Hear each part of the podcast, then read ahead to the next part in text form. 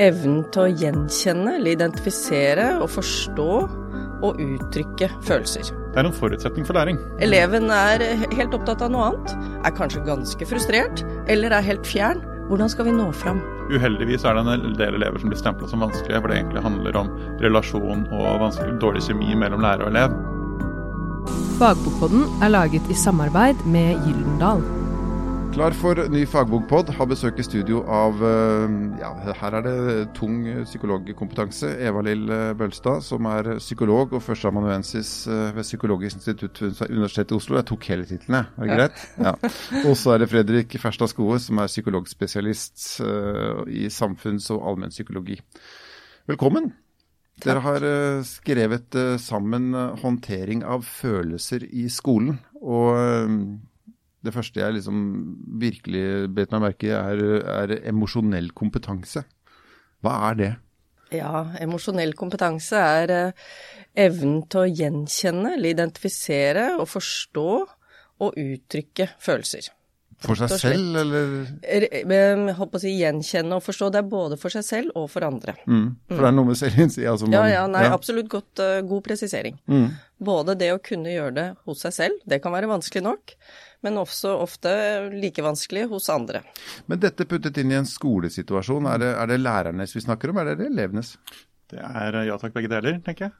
Ja. Det er, eh, Og så tenker jeg jo at i skolen så er det spesielt uh, interessant og relevant nettopp fordi det er så viktig på så mange områder. Da. Uh, for elevene å ha en god emosjonell kompetanse. Det er jo en av de tingene vi foreslår i boka, er jo det å se på emosjonell kompetanse som en grunnleggende ferdighet. litt sånn på lik linje som regning, lesing og skriving. Altså Som noe som må læres? Det er en forutsetning for læring. Ja. Eh, og på samme måte som det å lære å lese og skrive, det å lære å regne er en forutsetning for å lære fagene på skolen, så er det å lære å gjenkjenne og identifisere og regulere følelser eh, en forutsetning for å lære fagene som er på skolen. Lære å håndtere sosiale relasjoner, men også det å lære å håndtere den frustrasjonen og motgangen som faglig utvikling nødvendigvis innebærer. Da. Det å mislykkes, f.eks.? Ja. ja. Det gjør man jo når man skal lære noe. Ja. Jeg tenkte på det i dag, så på radioen, altså nå på alle førsteklassinger, så er det jo et, eller tidlig trinn, så er det et fokus. I dag eh, lanserte de noe, en, lese, en slags leselysttilnærming.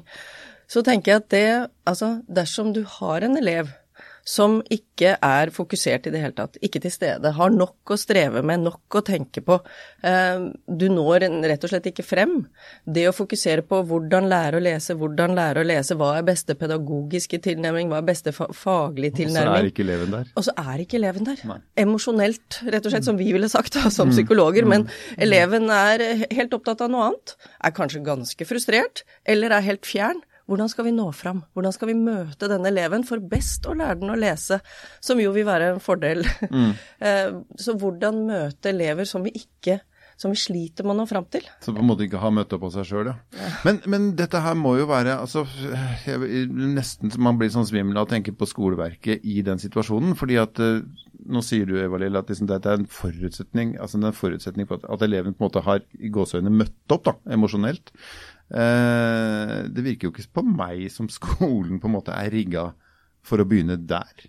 Ja, eh, jeg tenker jo også noe av det viktige budskapet som vi prøver å få fram i denne boka her. Det handler om at de, de, tingene vi skriver om, og kanskje de tipsene vi kommer med, de verktøyene vi foreslår å ta i bruk, det er ikke ment å være enda en ting på toppen av alt annet. Men jeg tenker, det, det finnes masse svette lærere som tenker ja. at hva, hva, skal vi holde på med, liksom? Ja, og for det, det handler om å få noen verktøy og tilnærminger for å håndtere situasjoner lærerne allerede står i uansett. Mm. Eh, som de ikke kommer utenom. Som de kanskje nå føler seg at de ikke helt har eh, forutsetninger for å håndtere på en god måte. Eh, så det er ikke det at vi skal gi dem noe ekstra eller foreslå at de skal gjøre sånn fryktelig mye mer enn de allerede gjør, men heller kanskje gi dem noen tilnærminger og tanker om hvordan man kan håndtere det som allerede eh, læreren står i da, i, mm. i skolen i dag. Eh, og som ikke nødvendigvis trenger å ta så mye lengre tid engang. Eh, men at det er det er på en måte ikke ment å være på toppen av alt annet. Da. Som kanskje kan gå litt fortere hvis man vet hvordan man skal gjøre det? Kanskje.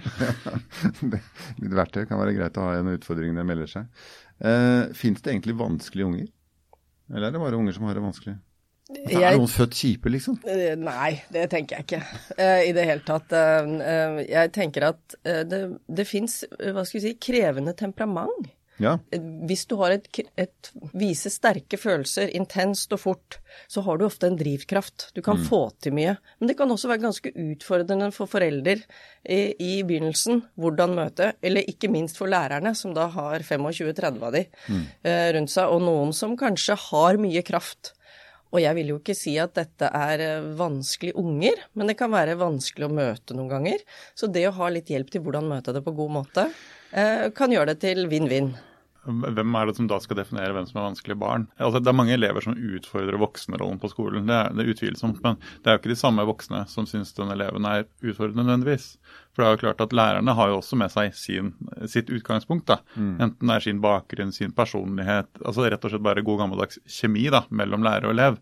Som ofte da kan altså Uheldigvis er det en del elever som blir stempla som vanskelige, for det egentlig handler om relasjon og dårlig kjemi mellom lærer og elev. Så er det på en måte eleven som får litt skylda for det. Og da er jo noe av grunntanken vår at da er det faktisk den voksnes ansvar å bygge den relasjonen og reparere den relasjonen. da. Eh, For, for det, er måte, det må jo være den voksnes ansvar. Og for å erte litt, så er jo samfunnets toppsjikt, hvis du kan kalle det for det, den er jo befolka av de vanskelige elevene. Det som for den ene læreren kan være en veldig utfordrende elev, kan jo være en megaressurs for en annen klasse og en annen elev. Det tenker jeg at uh, Eller for en annen er veldig ja, ja, men det er jo mange, mange egenskaper som er veldig sånn kontekstavhengige, da. Mm. uh, hvor, uh, hvor den energien og kreativiteten kan være en kjemperessurs på en arena, men være en kjempeutfordring hvis man faktisk skal sitte stille i en halvtime og lese. Hva, ja. Og Fredrik eh, poengterer noe viktig der ved boka vår også. altså Hva vi mye fokuserer på, er hvordan skape en god relasjon til eleven. Som igjen vil bidra til bedre læring, som jo læreren er opptatt av, men også bedre klasseromsmiljø, trivsel generelt. Mm. Dere har helt sikkert uh, diskutert skolen, og skolen diskuteres hele tiden, og det skal den. Uh, er det noen dere har lyst til å liksom endre på? Tenkte at å, hadde man bare tenkt litt mer sånn, så hadde det gått mye bedre? Jeg, jeg tenker jo uh, det at man skal åpne opp for å være mer fleksible med tanke på skolestart. Eh, tenker jeg er en eh, Tenker jeg er veldig når barna når barna begynner på skolen. Eh, at, man kan, at man bør i større grad være åpen for å være fleksibel med tanke på ikke bare barnas intellektuelle og kognitive kapasitet, men også emosjonelle utgangspunkt når de skal starte på skolen. For du, man ser gang på gang at de som er umodne når de starter på skolen altså Klisjeen er jo litt den guttene som er født i desember, ikke sant. Mm. Men det henger jo ved. Det er, det er ikke sånn at det nødvendigvis henter seg inn i løpet av De de er nederst ved den bakken hele tiden. ikke sant? Og det, må, det er så utrolig strevsomt for dem. Hvis de hadde gitt dem kanskje et år til, da, og Mm. modnes litt, og, og faktisk da være mer på jevnt nivå, istedenfor kanskje da være liksom et helt år eh, bak en som kanskje i utgangspunktet er mer moden og født i januar. Mm. Eh, det er klart at man, man får en veldig skeiv start. Og man får jo elever som ikke får en særlig god erfaring med det å begynne på skolen. Hva tenker du er viktig i skolen, Evalil?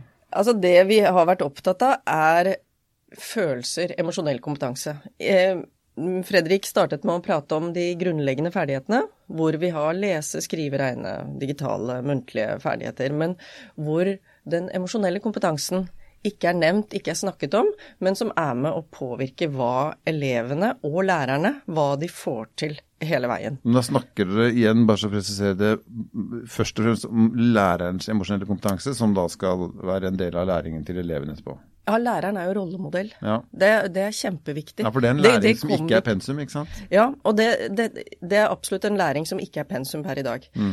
Det adresseres, vi har jo gått gjennom eh, de ulike pensumlistene, de ulike lærerutdanningene. Eh, Psykisk helse, som vi vet, adresseres litt her og litt der, men emosjonell kompetanse adresseres ikke noe særlig. Men det er noe de møter hver dag. Og emosjonell kompetanse det dreier seg både hos læreren selv, men også som rollemodell, og hvordan hjelpe elevene til å utvikle denne. Um, og så kan du si, skal, men skal lærerne oppdra barna? Er det det? Er ikke det liksom hva, Har foreldrene noe Er ikke det å overta all, siste rest av foreldreansvaret? Ja. Uh, og det, dette dreier seg om hvordan få til klasserommet, hvordan få til lærer-elev-relasjonen til å bli fruktbar, til å bli ålreit for begge parter.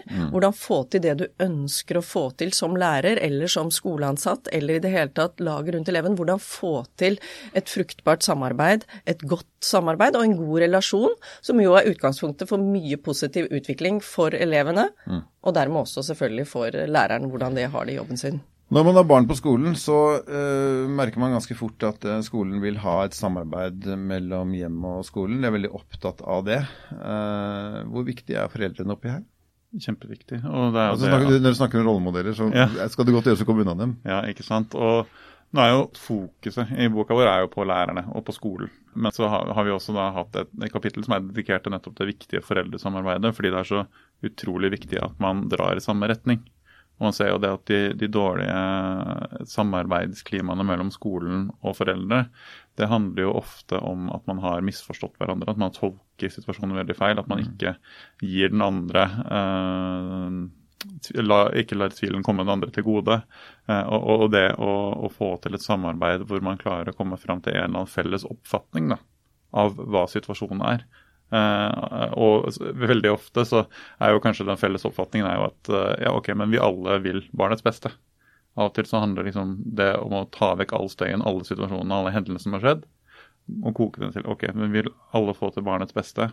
Da starter vi der, og så prøver vi å bygge opp samarbeidet derfra. Mm. Eh, for det er veldig ofte at man starter med å ta tak i veldig sånne kompliserte enkeltsituasjoner med uklare hendelsesforløp. Da er det utrolig vanskelig å få til et konstruktivt samarbeid. Mm. Eh, så det å måtte få tak i hverandres gode intensjoner for å så komme videre, tror jeg er utrolig viktig forutsetning for å få til det samarbeidet. Og unngå misforståelser. Og det tenker jeg, bare Når du nevner det, Fredrik, så vi starter hvert kapittel med, med et, en case. Ja, det er casebasert. Mm. Ja, ikke sant. Rett og slett for, for å hjelpe til helt helt konkret, praktisk. Hvordan møte, hvordan gjøre, hva gjøre. Og da har vi jo selvfølgelig en bredde på casene. Mye er jo utagering, men det er også internaliserende, det der veldig engstelig, veldig tilbaketrukket når du ikke når fram. Eller den, de elevene som tar over hele klasserommet og hele lærerens eller de ansattes bekymring. Mm. Um, så vi er veldig sånn konkrete i vår tilnærming, vil jeg tørre å påstå, i dette. Temperament, hva er det egentlig?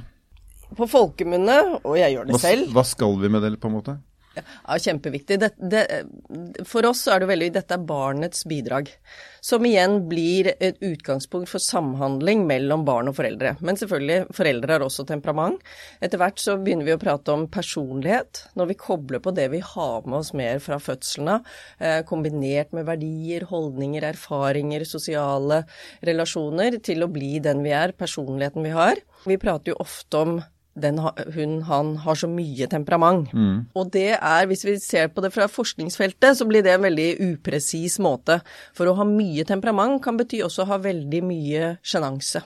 Ja. Ikke sant? Veldig mye tilbake Være veldig tilbaketrukket. Eller det kan bety ha mye av å være sosial veldig sosial, har mye av noe. Slik at det, veldig ofte når vi prater om mye temperament, så tenker de fleste på oss mye negativ emosjonalitet. Altså mye den der tendensen til å reagere intenst. Hisse seg opp og, ja, og ja, veldig fort. Slå noen og sånt. Ja. ja. Eh, men en, en definisjon som veldig mange er enige om, er jo den eh, evnen til å regulere seg selv og hvor reaktiv du er, hvor fort du reagerer, at det er en slags paraplydefinisjon på ulike temperamentstrekk. Mm. Det være seg sjenanse, aktivitet, eh, eh, emosjonalitet osv. Så, sjenanse og tilbakeholdenhet er også en form for temperament? Sjenanse er også det, ja. Hmm. Komplisert å være psykolog. Moro, da. Men det er jo selvfølgelig barnet. Altså, det er jo, det er jo ikke hvem, altså, hvem du møter hvordan du møter det, er jo også avhengig av, av, eh, av dette temperamentet, da. Og også du som lærer. Blir mm. du, reagerer du lett? Blir du tråk, føler du deg lett krenkbar? Eh, er det noe som utfordrer deg spesielt? Sånn som eh, Fredrik nevnte i stad, kjemi mellom mm. lærer og elev er jo ganske avhengig av hva vi har med oss fra før av. Hva vi er vant til, og hvordan vi er som mennesker. Ja, fordi hvis du er lærer og f.eks. har en eller annen ting du har komplekser for, da, da har jo de fleste av oss et, et sårt punkt, ikke sant, som da selvfølgelig 30 elever er utrolig kjappe til å finne ut av. Mm. Eh, og skape nettopp den dårlige kjemien. Er det, er det, litt av det også dere tenker på, at denne læreren på en måte sin, sin emosjonelle kompetanse og selvrefleksjon skal også være liksom forsterke læreren litt òg, da, i rollen sin? Jeg tenker jo Det viktigste kanskje uh, i forhold til det du nevner der, er jo det med å, å ha et bevisst forhold til det. Mm. Det å være klar over det, det å ha det, ja, som du sier, selvrefleksjon. Men det er ikke lett. på de tingene som er vanskeligst for oss. Det er ikke det. Og det er kanskje noe vi psykologer tar litt for gitt noen ganger. Men uh, jeg tenker det, og, for det, er jo klart at uh, en del av disse tingene henger jo såpass sterkt i og er såpass tydelig en del av uh, bakgrunnen og ba barndommen at det kan være vanskelig liksom, å tenke at man skal gjøre noe med. I hvert fall ved å lese en bok. Men jeg tenker i hvert fall å være bevisst dem. Ikke mm. sant? For det å være bevisst på at det her er faktisk mine mine greier. Dette her er mitt utgangspunkt som kommer inn og forkludrer den relasjonen her. Her er jeg øm og sår. Ja. ja, ikke sant. Det her er faktisk ikke eleven sin skyld, på en måte. Hvis mm. man skal snakke om vanskelige elever og ikke, så er det her min vanskelige bagasje, ikke mm. elevens. Mm. Eh, og det å, å være, ha et bevisst forhold til det er viktig i de relasjonene. Være klar over hva er liksom de, de såre punktene, og, og, hva er på en måte det eh, hvilke elevrelasjoner er det man kanskje er spesielt godt rusta til å kanskje har litt sånn spesielt god innsikt i og tålmodighet med, og hvilke er det kanskje som eh, ja, det, det, kan finnes andre lærere å spille på som kan nå inn enda bedre. Da. Hvor man kan si at her er, jeg, her er jeg svak og følsom, så dette bør ikke jeg ta i? Altså... Hvilke situasjoner skal jeg være obs på? Ja, altså Å starte der kan mm. gjøre en stor forskjell. Mm. Eh, det, kan, det, kan, bidra at du er mer oppmerksom hvis du ligger litt i forkant av deg selv noen ganger. Mm. Og andre ganger gjør du ikke det, men da kan det være lettere å komme tilbake. Og kanskje si unnskyld, og kanskje ta en uh, god tilnærming i en samtale i etterkant på det. Jeg syns et godt eksempel på, som er litt for så vidt uskyldig, da, men merke, som jeg ofte bruker eksempel om meg selv, men jeg er utrolig dårlig på å uh, møte sutring med empati og omsorg. ikke ja. sant? Da, da, mister du tråden, på en måte? Ja, eller da er det litt sånn der, ja, ta deg sammen. ikke ja, sant? Eller ikke bruk sutrestemmen. Ja, Alle har vel hørt det, vil jeg tro. Men uh, da er det noe med å det, Da er det kanskje ikke da, da, må jeg være bevisst på at ja, men vet du hva, det er meg. Mm. Sutring, det, det, er mitt utgangspunkt. At det er så uh, lite innafor. Og at det, uh, det, det, er jo ikke det er, Eleven prøver faktisk å uttrykke noe sårt. Uh, gir uttrykk for at det er noe i veien. Er, sutring er jo ikke forbudt. Nei, ikke det er en måte å uttrykke et behov på som er mm. helt innafor. Mm. men som for meg personlig er det sånn Å ja, stemmer, det her er mitt. ikke sant? Og det, Ved å være bevisst på det, så har jeg jo blitt mye bedre, heldigvis, da, på mm. å møte barn som sutrer på en empatisk måte. Men det har jeg faktisk måttet jobbe litt med. Eh, for det har liksom sittet så veldig sånn ryggmargsrefleks da, eh, for min del. At, eh, og det tenker jeg det er ofte, ofte noe lærere også kjenner seg igjen i, da, akkurat det med sutring, faktisk. Mm. Men, men, men, det å bruke det som eksempel på at det er egentlig et uttrykk som er helt innafor. Eh, for eleven å vise, eh, for å vise at de har et behov. Mm. De trenger omsorg, at de trenger trøst, eller at de trenger et eller annet fra deg som voksen. Mm. Eh, men hvor dine egne erfaringer, kanskje din egen oppvekst, sant, har gjort at det å møte sutring på en empatisk måte er noe man må jobbe litt med. Det var ikke noe rollemodellen din reiv med heller, kanskje? Ikke nødvendigvis. men dette høres ut som altså, jeg hører på dere nå, så høres det ut som at okay, nå snakker man eh, profesjonelle voksne, altså lærere, i møte med barn. Og selvfølgelig er det da ekstremt viktig fordi at ingen av dem har på en måte noe valg. altså Det situasjonen de skal være i. Men dette høres jo også ganske mellommenneskelig smart ut, da. Altså Det å være en helt vanlig person og gå rundt og være litt klar over hva som er eh, punkter du lett hisser deg på over, punkter du er sår på osv., det er jo høres jo smart ut. Ja, og det um, Vi har flere kapitler som går på ikke bare lærer-elev, men som uh, nevnt tidligere, lærer-foresatte, eller som skoleledelsen overfor sine ansatte eller medkollegaer. Mm. Uh, utgangspunktet, altså Jeg har jo jobbet med hvordan håndtere følelser, hvordan barns utvikling, emosjonelle utvikling i uh, hele mitt arbeidsliv. Eh, og også jobbet med foreldre, altså andre relasjoner enn på skolen. Det fine på skolen, altså det fine med å jobbe nå opp mot skolen, det er jo at der kommer alle barna. Det er ikke mm. alltid vi får tak i alle utenom, men på skolen kommer alle. Og læreren er eh, helt essensiell, så viktig for barnas utvikling. Eh, og også kanskje nå de barna som er veldig vanskelig å nå utenom. Slik at dette er kjernekompetanse som du da, som vi har rettet inn akkurat i denne settingen, hvordan med, gjennom lærer, elev og laget rundt eleven. Samtidig er jo dette, holdt på å si, gjennom å lese boka vår, så er jo det en kompetanse du kan bruke til kjæresten, om du har en, til uh, barna dine hjemme, til venner, til andre. Altså det er det å Ikke sant, sjefen, ikke minst. Altså det å kunne gjenkjenne, forstå, uttrykke følelser, og også forstå mer om hvordan andre har det, er, er jo kjernekunnskap. For Det er jo morsomt med noen av disse lærerveiledningene jeg har hatt, hvor vi har hatt fokus på dette her, og læreren har kommet til neste gang med at vi har kanskje ikke nødvendigvis fått det til så bra med eleven akkurat den uka, men uh, jøss, for en forskjell det gjorde med barna mine. Ja. Uh, eller uh, i parrelasjon, ikke sant. Det, at det, det, det, er jo en veldig sånn allmennmenneskelig kompetanse som er veldig viktig på mange områder. og Det er også noe av grunnen til at vi syns det er viktig og at vi har skrevet en bok om det. er nettopp at vi tenker at Hvis man klarer å hjelpe elevene å utvikle denne kompetansen, så gir man dem liksom et godt utgangspunkt for veldig mange områder i livet. da, mm. Og spesielt det her med ja, mellommenneskelige relasjoner på alle områder. da. Og i tillegg så gir det jo deg som eh, lærer eller skoleansatt et ganske godt eh, verktøy for hvordan møte de, de mer krevende elevene. Mm. Som sagt. Hvordan, altså de er jo ikke, de er jo ikke opplært eh, i sin utdannelse til hvordan møte disse barna som skriker og slår, og som ødelegger stemningen. Eh, sett utenfra. Eller disse barna som trekker seg helt tilbake, og som man ikke når frem til. Mm. Og som ikke tør verken det ene eller det andre. Hvordan møte de? Hvordan hjelpe de fram? Hvordan, og også hvordan få en god relasjon til kanskje akkurat den eleven som du egentlig merker at du stritter veldig mot. Hva kan du gjøre da? Dette adresserer vi mye i boka.